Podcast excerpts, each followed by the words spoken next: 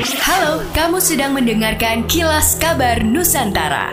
Podcast persembahan KG Radio Network menyajikan berita harian yang mengangkat keunikan dari berbagai wilayah Indonesia. Kilas Kabar Nusantara dapat juga didukung oleh pengiklan loh. Pemerintah Kota Makassar menyiapkan program pengampunan khusus dalam pengurusan izin mendirikan bangunan dengan nama Amnesti IMB. Wali Kota Dani Pomanto mengatakan, Kebijakan itu untuk meringankan masyarakat. Sasarannya warga yang telah terlanjur membangun rumah atau tempat usaha, namun belum dilengkapi dokumen perizinan. Ia menjelaskan bentuk keringanan dalam hal pembayaran. Jika dilaporkan, tarif pengurusan dikurangi hingga setengahnya. Tujuannya adalah masyarakat meningkatkan intensitas pengurusan IMB yang dilakukan. Jika seluruh bangunan memiliki dokumen perizinan, berdampak terhadap penataan kota yang lebih maksimal. Diketahui seluruh bangunan di Makassar wajib memiliki dokumen IMB, termasuk jika dilakukan perubahan, memperluas, dan mengurangi. Jika tidak dilengkapi dokumen perizinan, bangunan bisa digusur atau dibongkar paksa oleh pemerintah.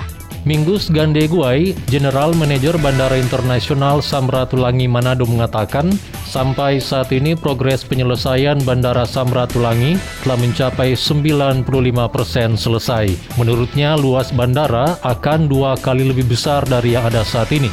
Namun sampai saat ini pihaknya belum optimal menggunakan fasilitas yang ada dikarenakan jumlah penumpang yang masih sedikit. Gandegue juga mengatakan saat ini area lahan parkir dan yang lain sudah bisa digunakan. Untuk jumlah tempat check-in, Bandara Internasional Samratulangi Manado yang saat ini hanya ada 30 counter counter check-in, ke depannya akan menggunakan 46 counter check-in bandara. Hal ini menurut dirinya merupakan salah satu hal yang diharapkan dapat membuat Sulawesi Utara menjadi Bali baru. Pihaknya juga berharap Bandara Internasional Dr. Samratulangi Manado sudah bisa digunakan pada akhir 2021 ini. Pemerintah pusat memutuskan untuk tetap memperpanjang PPKM di luar Pulau Jawa dan Bali mulai 21 September hingga 4 Oktober 2021. Ketua Komite Penanganan COVID-19 dan Pemulihan Ekonomi Nasional Erlangga Hartarto dalam konferensi persnya mengungkapkan masih ada 10 kabupaten kota di luar Jawa dan Bali yang menerapkan PPKM level 4. Ini karena terkait aglomerasi, jumlah penduduk, dan tingkat vaksinasi yang masih di bawah 50 persen. Sementara itu jumlah daerah yang menerapkan PPKM level 3 sebanyak 105 kabupaten kota, PPKM level 2 sebanyak 250 kabupaten kota, dan PPKM level 1 sebanyak 21 kabupaten kota.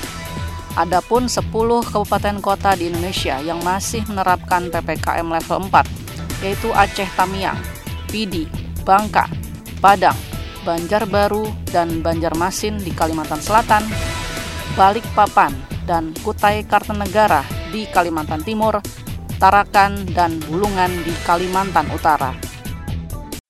Demikianlah kilas kabar Nusantara malam ini.